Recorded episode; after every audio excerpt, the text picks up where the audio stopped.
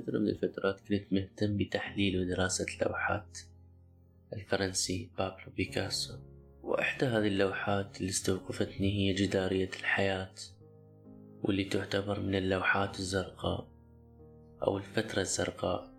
حسب بيكاسو يربط الحزن في اللون الأزرق.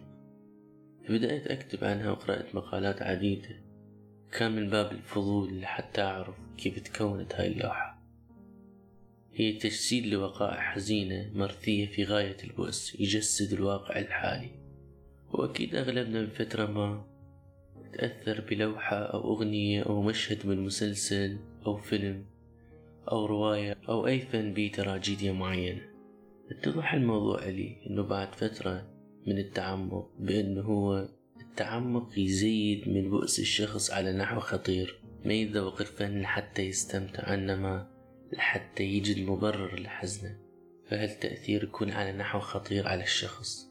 شنو اللي فهمته من الأشخاص اللي استمروا على هذا النمط؟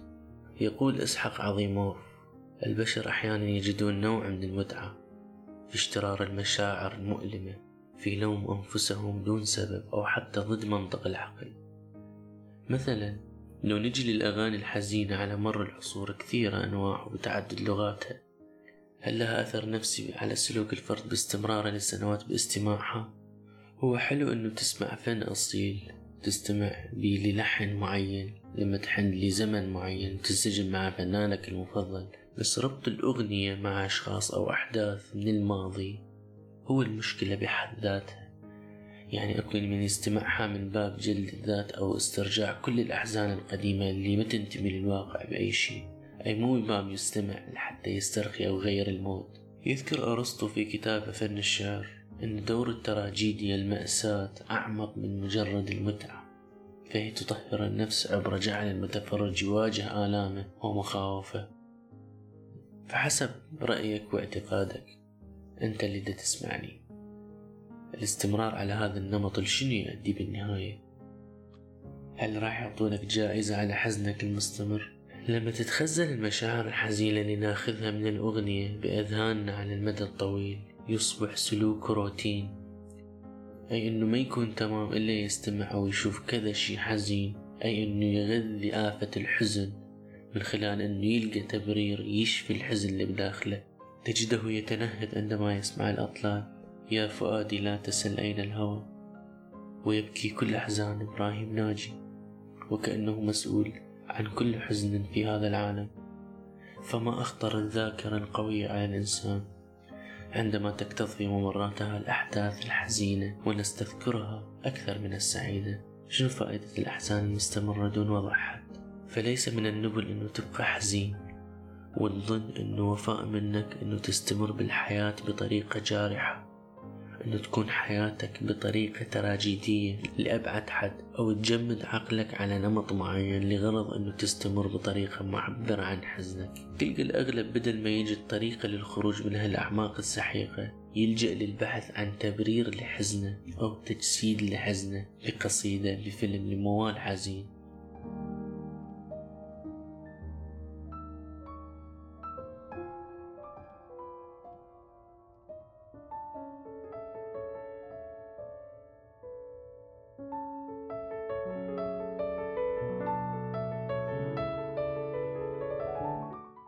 بالختام أشوف أنه التجاوز يسمح لك بأن تتطور والتمسك والتعلق يخليك عالق في مكانك بس ما يخليك تتطور. يا إما يرجعك خطوة للوراء أو تبقى في مكانك. فلما نسأل شخص ما ليش حاب بدون ما تحاول أنه تتغير لشيء إيجابي يجاوبك ممكن بطريقة فلسفية. يقول لك بأنه الحزن حقيقتنا. ولأني ما أنصفتني الحياة أبدا. صحيح أنه الحياة ما أنصفت الكثير من أدنى بس مو معناها تبقى في نفس المكان. تبقى في نفس المكان معناها أن أنه اختاريت بأنه يزيد عدم الإنصاف. القضية وما بيها أنه بعد كل حدث معين مؤثر اللي يدعو للحزن ياخذ له فترة معينة ومفروض ينتهي. بس القضية هي شلون تخاطب نفسك وتفكر ويا نفسك. والحديث اللي بداخلك شنو هو؟ لأن هو اللي يحدد واقعك للسنوات القادمة. فالحديث الداخلي مع النفس جدا مهم. هو اللي يحدد شلون راح تعيش وفق أفكارك والحليم تكفيه الإشارة. فلو نتخيل بأنه شخص ما يسمع الأشياء الحزينة باستمرار يشوف الأشياء الحزينة مثل المسلسلات الدرامية اللي انتشرت بكثرة بآخر أوانه اللي ما بيها أي استفادة غير أنه تظهر المواجع. فالسؤال هو شنو ممكن أو نتوقع تكون حياة هذا الشخص المستقبلي لو استمر على هذا النمط؟ هل هي راح تكون حياة وردية أو يقدر ياخذ طريق للسعادة؟ أكيد لا لأن أفكاره تبرمجت على هيك نمط فما ممكن إنه بسهولة يطلع من هذا النمط إلا إذا هو اختار. فلو أنت مثل هذا الشخص تقدر الآن تتوقف لأن مستقبلا ما راح تكون النتائج تعجبك خصوصا لو بعدك في بداية عمرك توقف لأن ما راح تفيدك بأي شيء.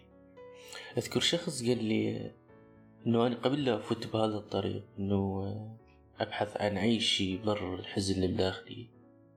ما ضاف لي أي شيء مجرد أنا تغيرت من مكان كنت أكثر حياة إلى أقل حياة. فمهما أنجزت أو إجت أشياء حلوة بحياتي ما أحس بطعمها. متعود على منطقة معينة أنه أني اختاريتها بنفسي. خاطب نفسك بأشياء تحبها أو تحب توصل لها خاطبها مثل ما تخاطب أي شخص تحبه أو تحترمه أو تقدره. صح هو شي مو منطقي مبدئيا بس جرب. ربما أكو تغيير يحدث. من خلال تغيير حديثك الداخلي تجاه نفسك ولفترة من الزمن وشوف حياتك شلون راح تتغير حتى الأغاني الحزينة ممكن تسمعها من باب الفن مو من باب جلد الذات والندم باستمرار. لما تغير حديثك الداخلي مع نفسك تطلع من المستنقع اللي أنت بيه. ممكن أشخاص أو أصدقاء يأثرون عليك حزينين على الدوام كئيبين على الدوام. فأكيد حياتك راح تكون مثلهم. ومحيطك أفكارك الداخلية لما تتغير راح يكون أكو صعوبة. لكن بالنهاية أكو نجاح بالنسبة لك اكتساب لذاتك مرة ثانية.